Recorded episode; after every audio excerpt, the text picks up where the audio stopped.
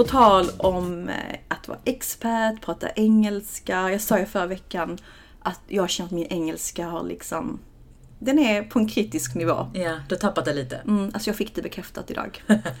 jag hade möte med en byrå i London som jag jobbade med mellan 2016 och 2018. Jag var på Kronaby, ett gammalt back in the days jobb.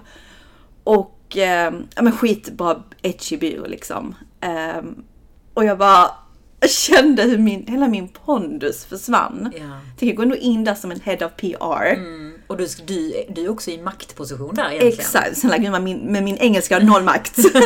noll makt. Eh, alltså jag bara tänkte på vad vi snackade om i podden. Och du vet, jag försökte få ut dessa ord. Alltså det är som att jag bara fastnade.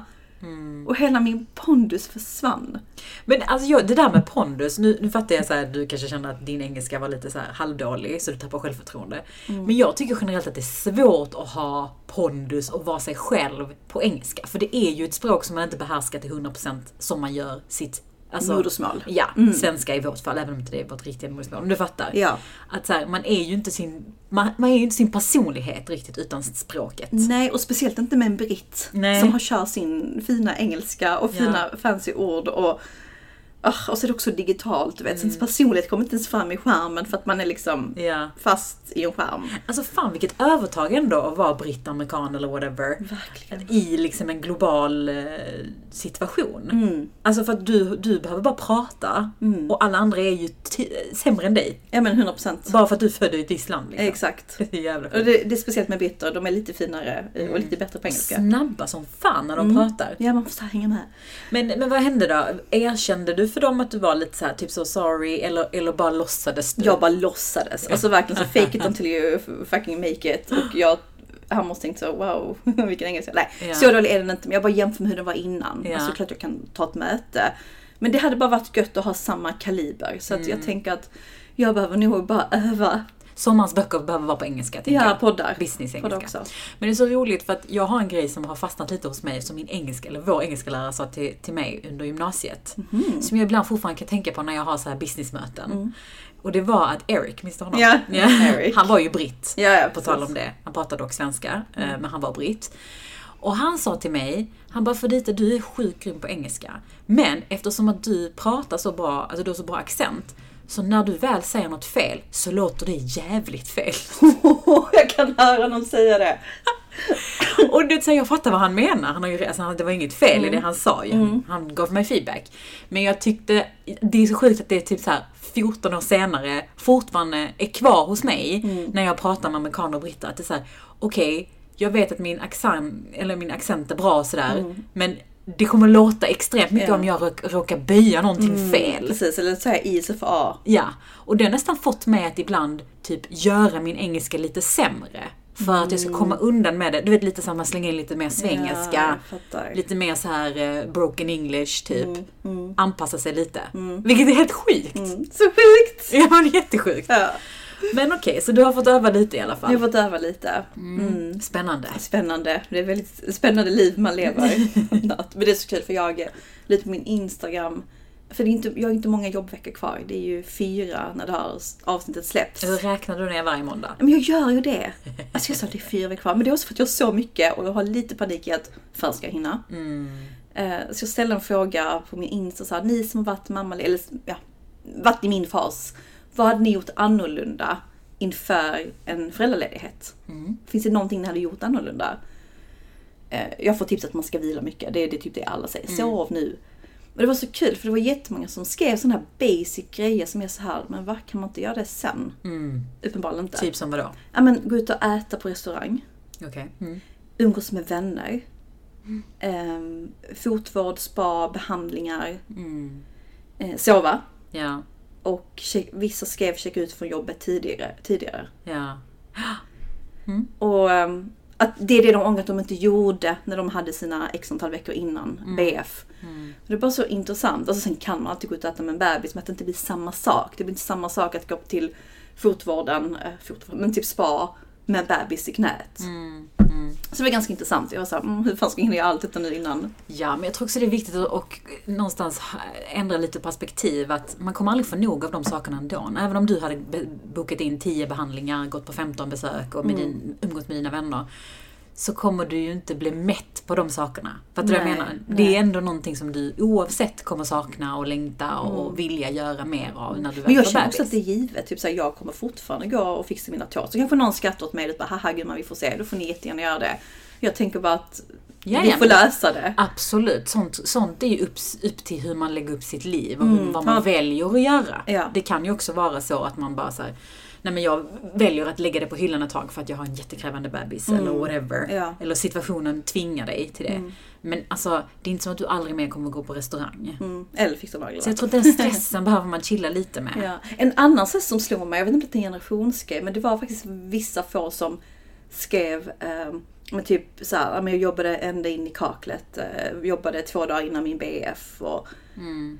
Skrytning. Ja men lite, lite som att det var en, eh, och det får det gärna vara liksom för det är individuellt, men som det var en stolthet i att jobba på ända in i det sista. Mm. Det var en annan som skrev till mig att i och med att hon mådde så bra så kände hon också en skyldighet i att framstå som att hon mådde och hanterade så himla bra. Men att hon inte ibland bara var gravid. Mm. Och det kan jag känna igen mig i. Så här, jag har också mått jättebra hela vägen. Och nu när jag känner att sömnen knakar och jag är inte helt mig själv.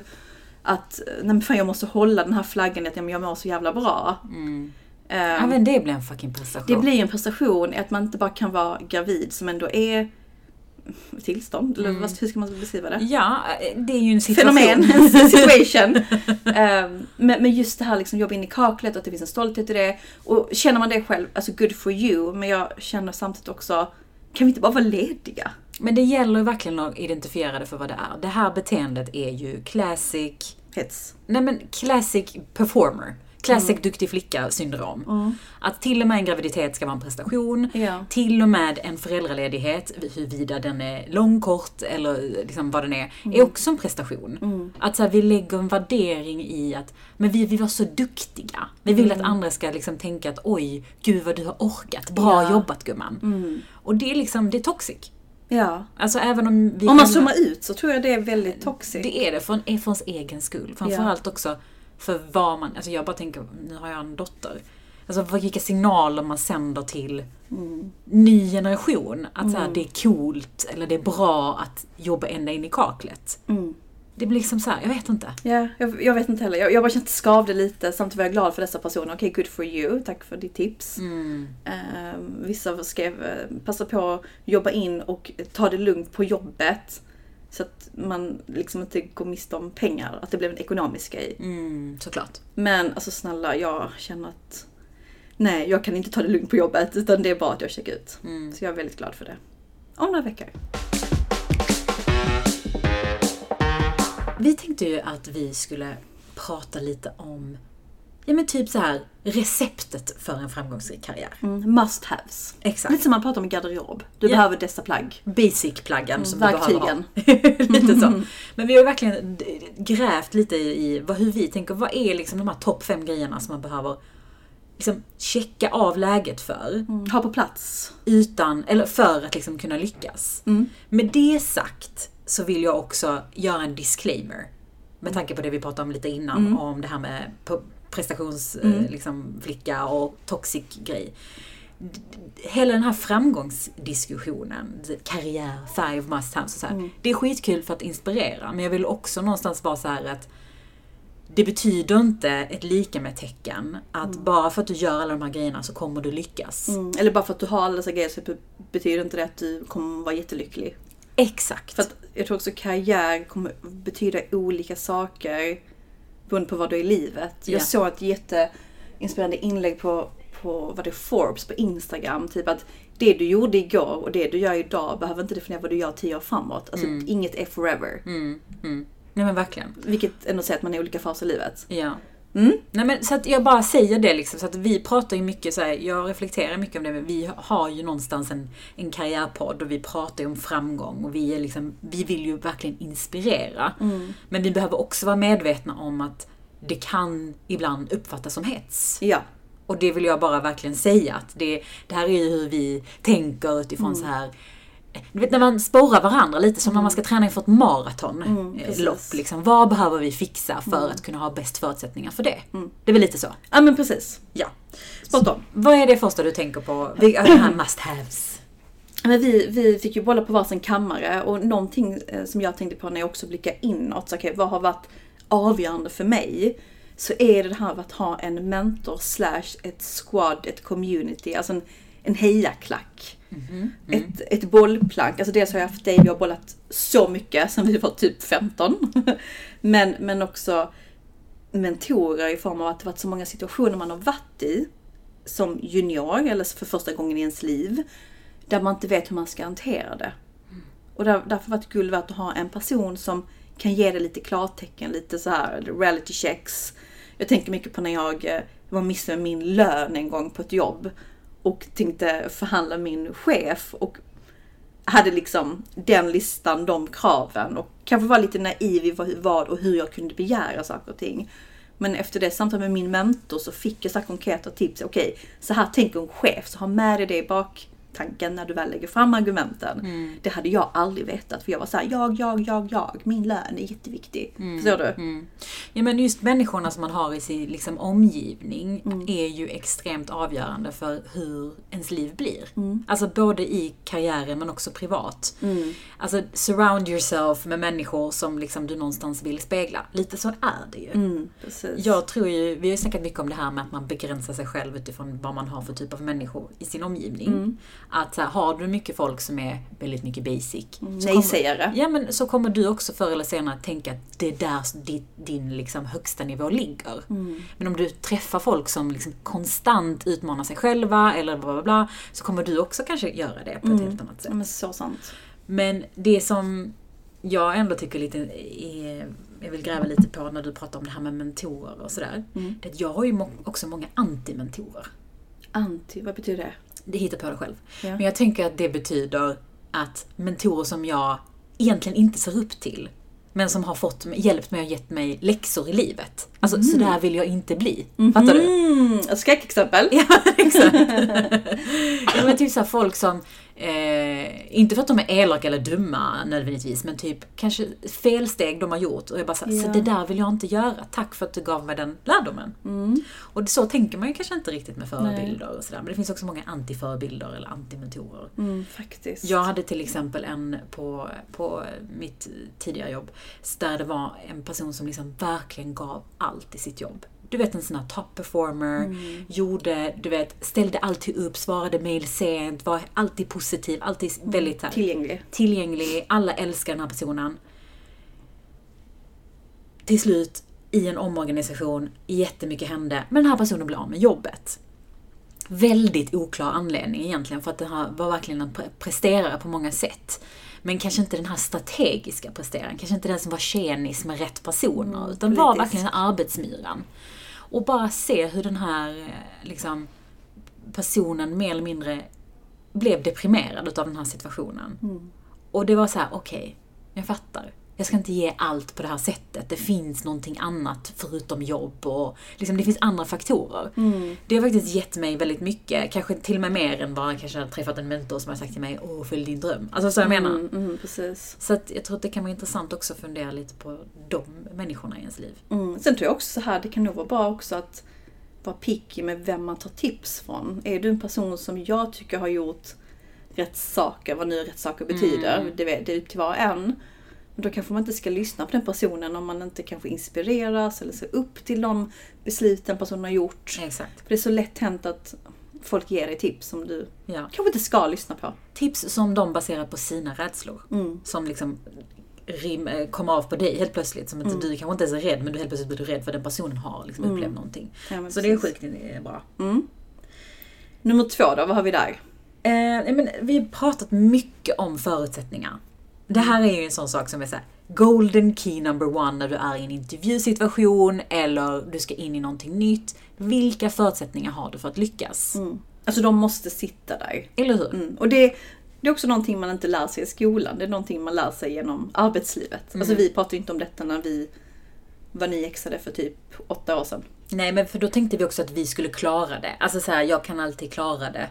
Men det vi vet nu med erfarenhet efter att ha gått på några nitar, att det spelar ingen roll hur duktig du är som person. Mm, mycket du Vissa saker går inte om du inte har rätt förutsättningar. Har du inte ett gott team bakom dig, har du inte budget i vissa frågor, har du inte liksom ledarskapet, har du inte styrelsen, led, ledningen bakom dig, så går det inte hur duktig du än är. Mm. Nej men verkligen. Alltså det, det kan också vara så här en verklighetsbaserad tid, tidsplan.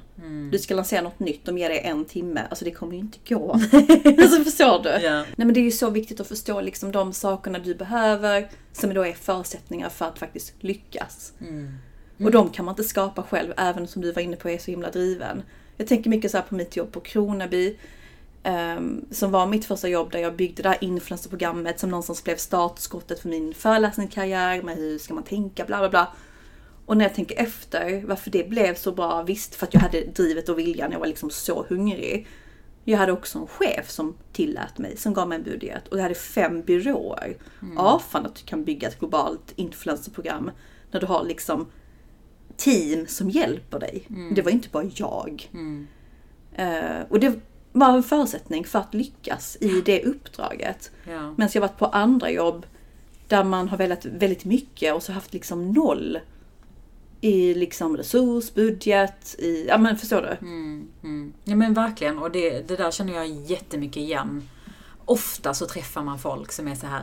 Ja, vi vill göra det här och vi vill göra detta och vi ska bli liksom störst i marknaden och så vidare och så vidare. Ska växa. Och vi ska växa och man blir så här, hype, du vet så här, ryggraden blir ännu rakare, ögonen spärras upp, du är helt peppad. Och sen när du väl kommer till kritan, du är bara så här, okej men hur ska jag göra detta? Så säger man, ja men vi tänker i marketingvärlden, grilla marketing som man älskar att säga. Så här, åh vi vill göra små saker, göra dem stora, vi vill trenda på TikTok. Du vet sådana saker som är snarare en tillfällighet än Bygga en färdighet. community bakom Ja. en skärm. Men exakt.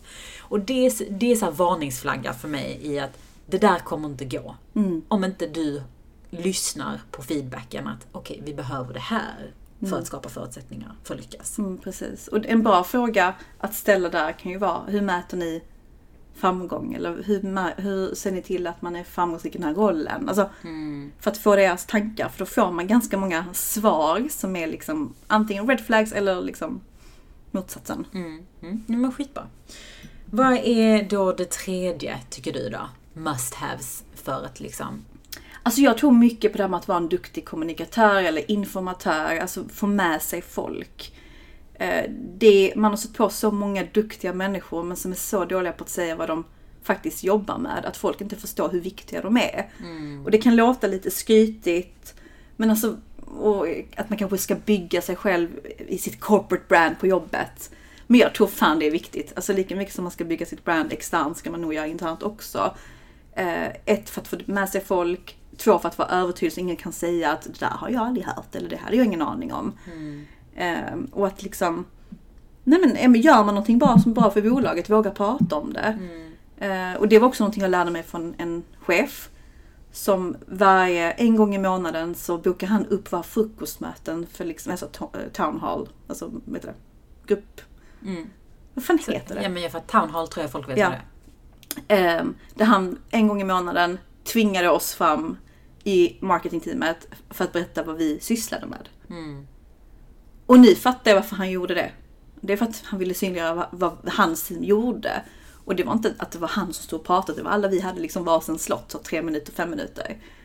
Eh, vilket också gjorde att det byggdes en intern stolthet. Jag tror det är så viktigt, speciellt nu när man jobbar kanske hybrid eller att man eh, jobbar globalt. Att så här, vara informativ, berätta. Mm. Och det där kan vara väldigt svårt de första gångerna man gör det. Mm. Att man känner sig cringy, att man känner sig obekväm. Att man tänker så här, gud, ingen bryr sig, gud vad skämmigt att jag eh, he, liksom hajpar mig detta. själv. Ja. Men jag förvånas ändå de gångerna jag väl har gjort det, så förvånas jag ändå över hur, hur bra folk ändå tar emot det. Och att det väcker idéer. Vad Ja, det du ja. sa Och ska det- vi snacka mer Det om. där vill vi göra mer av. Ja. Mm. Alltså lite så. Och att det behöver inte heller vara att man hela tiden lyfter sig själv, det kan också vara att lyfta teamet, Gud, eller ja. man kan lyfta kollegor som har gjort någonting bra. Mm. Men just det där att, att faktiskt prata om vad det är man har gjort, Mm. det är väldigt viktigt. Mm. Eh, För annars är det lätt att, eh, delvis att man glömmer allt man Ja. har presterat inför lönesamtal Mm, och diskussion med chef. Ja. Men också när du väl ska börja ett nytt jobb och någon frågar dig så här, vad är det du har gjort? På en intervju, Ja. berätta. Man bara, eh, Ha färdiga case, ha färdiga som vi liksom också har varit mycket inne på. Kan vi inte bara repetera den ifall folk har kommit in på den senare? Vad menar vi med case? Ja men du hade väl en skitbra, eh, du la upp någonting på din Instagram för ett tag sedan där, där det var någon som hade frågat dig just det där. Vad, vad sa du då? Vad var din definition av ett bra case? Nej men, eh, gud, jag älskar hur du la den på mig nu. Eh, Okej, jag minns vad du sa. Nej men, jag minns inte, oh my god, alltså min hjärna just nu, förlåt. Jag minns inte. Nej men just det här med att ha en, liksom en, någonting som du kan säga, det är ett projekt som du har drivit, någonting det. som du har gjort, som du kan säga det där gjorde jag där. En prestation också kopplat mycket till siffror. Mm, Tog det från X till Y. Ja. Eh, någonting mätbart. Ja. Eh, som du kan återberätta för folk. Mm. För det är ju, jag märker ju det bara typ när min mamma frågar mig vad jag jobbar med. Mm. Att så här, det är skitsvårt att förklara. Jätte. Och, men det är egentligen en skitbra övning att förklara för någon som inte alls är i den världen. Mm. Vad är det jag faktiskt gör? Alltså hur bidrar jag med värde? Så det, det märker jag är en så här sjukt bra övning när man säger så här, men ja okej, jag jobbade för den kunden och då gjorde jag det här. Mm. Aha, liksom.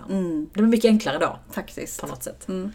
Men det är just eh, så bra att dokumentera det. Jag pratade med en branschkollega som är inom design.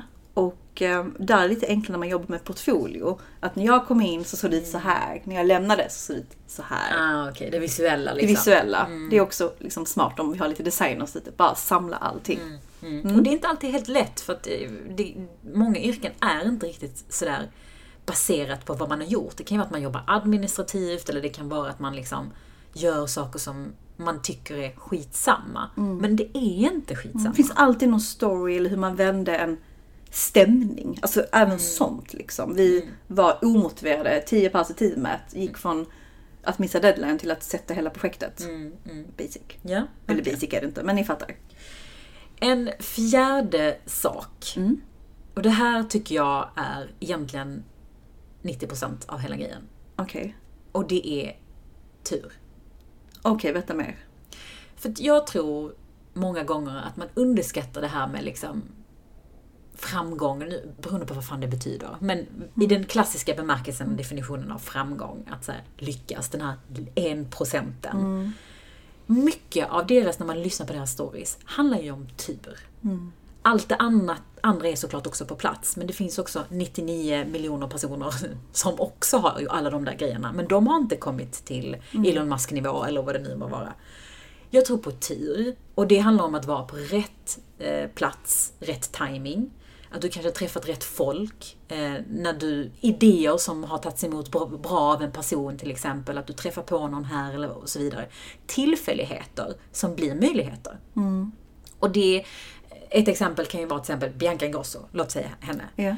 Hon har ju många positiva fördelar för varför hennes karriär har gått så himla bra. Hon har haft förutsättningar, hon har varit en bra kommunikatör, hon har haft nätverket, bla bla bla bla bla. Men det finns också många exempel som henne som inte har blivit något. Alltså andra kändisars barn som inte har byggt sitt egna imperium. Mm, sant. Men för henne så handlade det också om tur. Hon träffade folk som trodde på henne, hon träffade folk som kanske gav henne möjlighet att göra en eh, talkshow, eller, eller vad heter det, en serie på Ja. TV. Och alla de här tillfälligheterna. Det tycker jag man inte pratar så mycket om. Och jag vill ändå säga det för att jag tycker det är skönt någonstans för mig själv att så här, det kan inte jag kontrollera. Nej, och man, man brukar också prata om, speciellt nu i dessa tider politiskt, om eh, ungdomar, barn i utsatta områden som hamnar fel.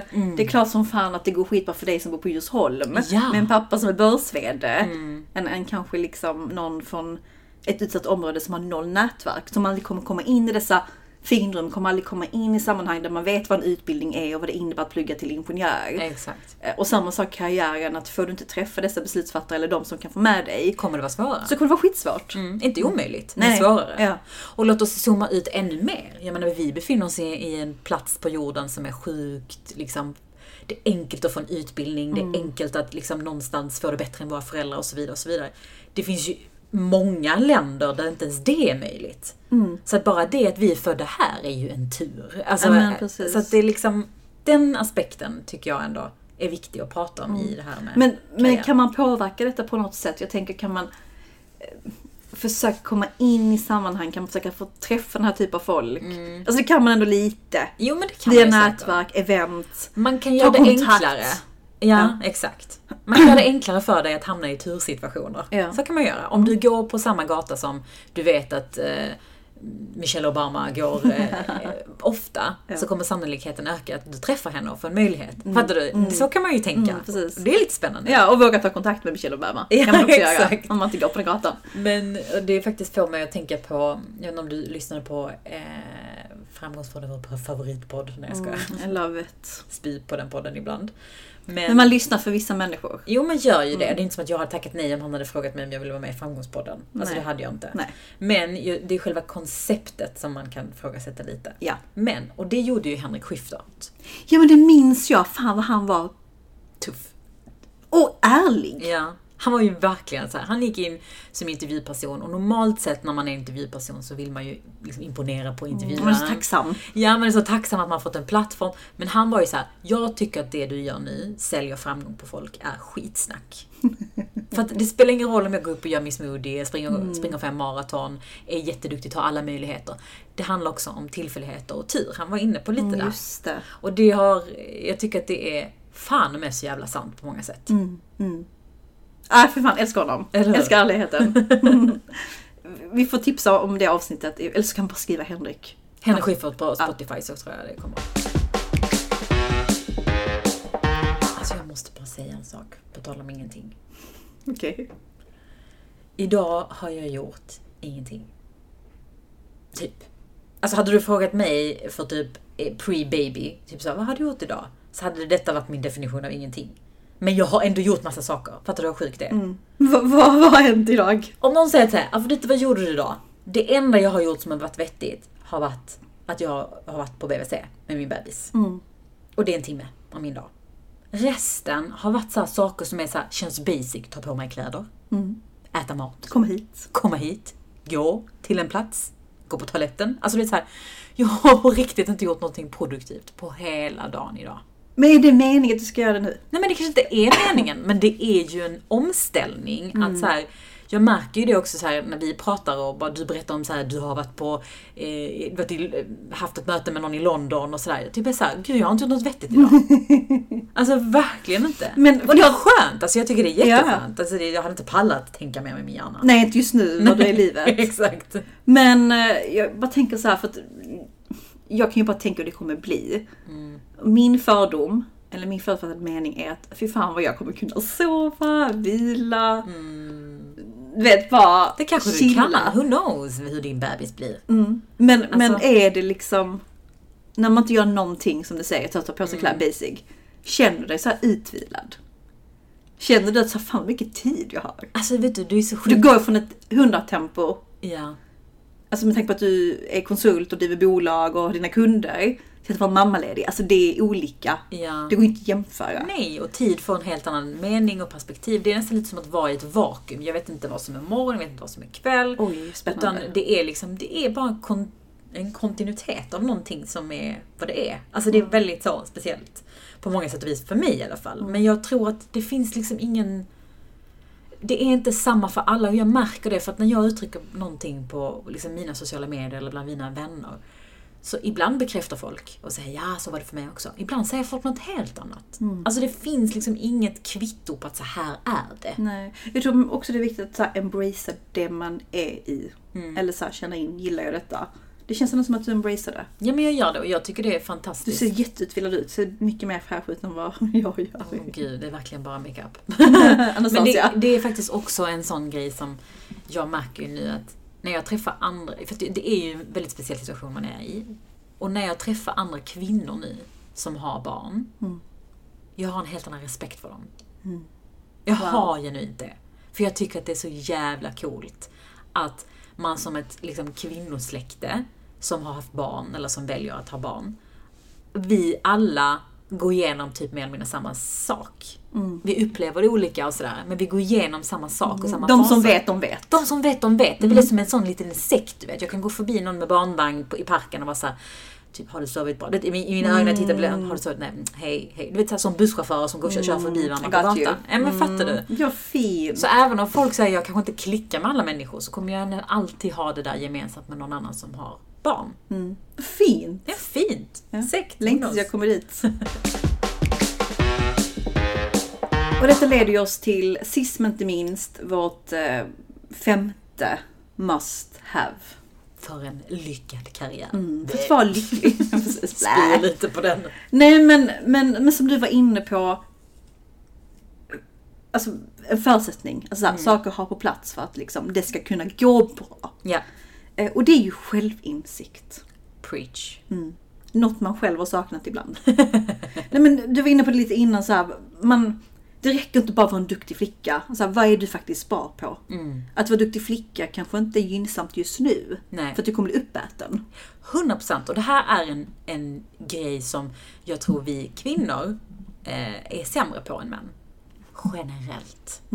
Jag tror att män är mycket bättre på att vara så här: jag är en back. Jag är en forward. Och kapitalisera på det. Vi är såna, jag är en teamplayer, jag kan spela här, jag kan göra lite där, jag är bra på att laga mat, jag är bra på att göra detta. Du vet, vi måste göra allt. Och det är inte till vår fördel i karriärvärlden. Nej. För att folk betalar folk för kompetens, inte för att du ska vara Mig till lags. Ja, alltså förstår du? Så det där är en sån här sak som jag tror att även jag, du, alla kvinnor behöver bli bättre på. Det fanns så sant. Jag bara tänker på alla gånger man har tagit tag i det där som skulle falla mellan stolarna för att man är den man är. Alltså visst, det är en fin egenskap, man uppskattar själv kollegor som gör det. Men att ser man det här återkommande mönstret, man alltid gör det, Ja. så är det red flag. Ja, och det är också fort- fortfarande definition av vad framgång är. Men liksom, det finns ju också vissa yrken som, som har den här lite mer faciliterande rollen, där det är bra att ha liksom, koll, lite koll på allt och sådär. Så det kan ju vara det man vill. Men, men liksom pratar vi om de här en procenten och ska titta på dem rakt av, så är de väldigt tydliga med vad de är bra på. och precis. deras styrkor. Och jag tror även liksom det kan vara bra att ha den här självinsikt, insik, insekten. Ha självinsekter, är bra att ha. Ja, myror. eh, nej men självinsikt. Gud, förlåt. alla Alltså gravidhjärnan är här. Alltså det är kaos. I told you girl! Insikten. Yay! I att när man kanske är på väg någonstans, att det här jobbet låter så jävla kul. Men kommer jag kan inte men jag- det. Så här, en sak är att ha det här att det här dåliga tjej, självklart att man kanske inte kan någonting. Jo, du kan jättemycket gumman. Ja, Men så här, sant. kommer du Mm. Ett tycka detta är kul? Kommer du ett vilja det? Kommer du ha energi för det? Mm. Där du är just nu i livet. För det kan, det är så lätt att man blir smickrad och lockad med en fin lön och fin titel och större team och större bolag. Men återigen, självinsikt. Mm. Vill du det? Ja. Det behöver inte alltid handla om vad du kan utan också viljan. Mm, men, Pallar du? ja, men också, du kanske är inne någonting där också att kanske inte nödvändigtvis heller ha insikt om vad du kan, utan insikt om hur du är som person. Alltså är du en person som eh, är bra på att inte eh, liksom, ta saker personligt, eller du är bra på eh, att inte, fan vet jag, att prata med människor och sådär. Alla så, de här sakerna är mer hur du är som person. Allt annat kan du ju lära dig. Mm, såklart, såklart. Alltså just det där att men jag kommer gå in i det där, så det, där, det här är inte jag som person. Jag är inte supersocial, så jag kanske inte ska ha en Global Head of PR-roll till exempel. Alltså förstår du vad jag menar? Att man liksom någonstans sätter förutsättningar utifrån hur man är. Mm, och vad man gillar liksom. Ja. Sen ska man alltid testa, men jag tror ändå så här, jag skulle aldrig kunna bli MMA-fighter. Nej. Men taekwondo. Nej gumman. men alltså.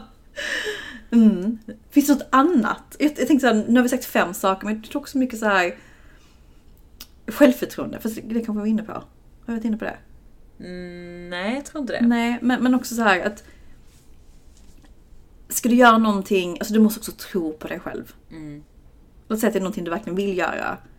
Att gå in där och tveka, jag tror bara det, alltså jag tror mycket på inställning. Nu jag är liksom den här föda utan rädsla-fasen, läsa massa böcker och grejer. Allt handlar om fucking inställning. Mm, och bara gå in i det och vara positiv liksom. Mm. Mm. Men det kan också vara en, en, ett bra sätt för att liksom skapa förutsättningar för att lyckas Mm. i en karriärsituation.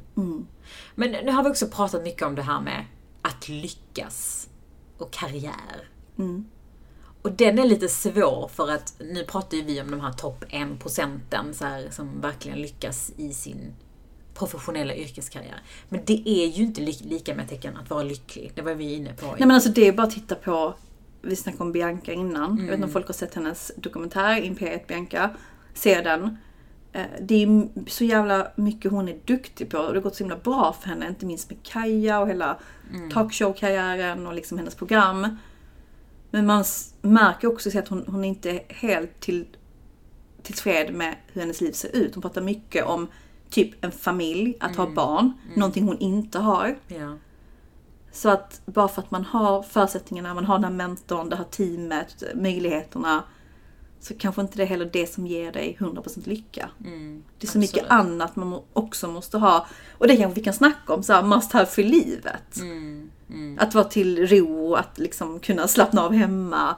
Att kunna, fan vet jag, äta mat som inte gör så att du får ont i magen. Alltså som basic grej, fattar Ja, du? men samma slåss behovstrappa återigen. Så här, Ja. vad, vad behöver man för att nå bra? Ja, Olika... för det är också en förutsättning som vi inte tog med nu i den här listan för att faktiskt också kunna skapa sig en bra karriär eller ha ett härligt jobb. Mm, Alltså må vara inifrån. absolut. Jag, tyckte, jag, jag fick lite så här Avicii-vibes när jag kollade på den dokumentären. Och inte att hon kommer begå självmord, absolut inte. Men här, den här pressen i att göra saker för andra. Mm. Och ständigt ut, alltså så här, outperform yourself hela tiden. Toppa sig själv och liksom hela tiden vara till lags. Eh, och det tyckte jag var lite jobbigt. Jag vet inte om det är bara jag som har gjort den analysen, men att så här, fan. Och det kan vara en reminder till alla så här, vad vill, fråga själv, vad vill du? Om inte varje dag, en gång i månaden. Mm. Och lyssna lite mer inåt än att bara vara alla till lags. Mm. För man kan känna igen sig i det. Alltså, jag tror att vi också hade hamnat i den. Om vi hade fått, om vi hade haft samma situation. Gud, liksom. ja. Det är så mänskligt så det finns inte. Mm. Okej. Men jag vill ändå liksom, nu har vi pratat på om det här. Och jag vill ändå väldigt gärna höra vad ni som lyssnar tycker om det här. Generellt sett, det som vi pratar om nu. Är det här, tycker ni det är inspirerande att prata på det här sättet som vi gör om liksom förutsättningar, must haves och karriär? Eller blir ni triggade? Jag är ändå nyfiken, jag vill ha det genuint ärliga, svaret från er. Vad tycker ni om det här? Faktiskt. Saknas det något perspektiv på det? Missar vi någonting? Ja men precis. För att vi kan också vara väldigt så här. ibland kan jag själv vara såhär, åh jag blir så inspirerad av detta, åh. I annat mode så kan jag bli såhär, gud vad jag känner press. Mm, måste jag ha en mentor nu också? Exakt. Och det kan ju också bero på var man är i livet. Men ändå intressant att höra. Mm, alltså, det är ju någon sak, eller en sak, ni är ju så ärliga och det uppskattar vi. Så att var superärliga.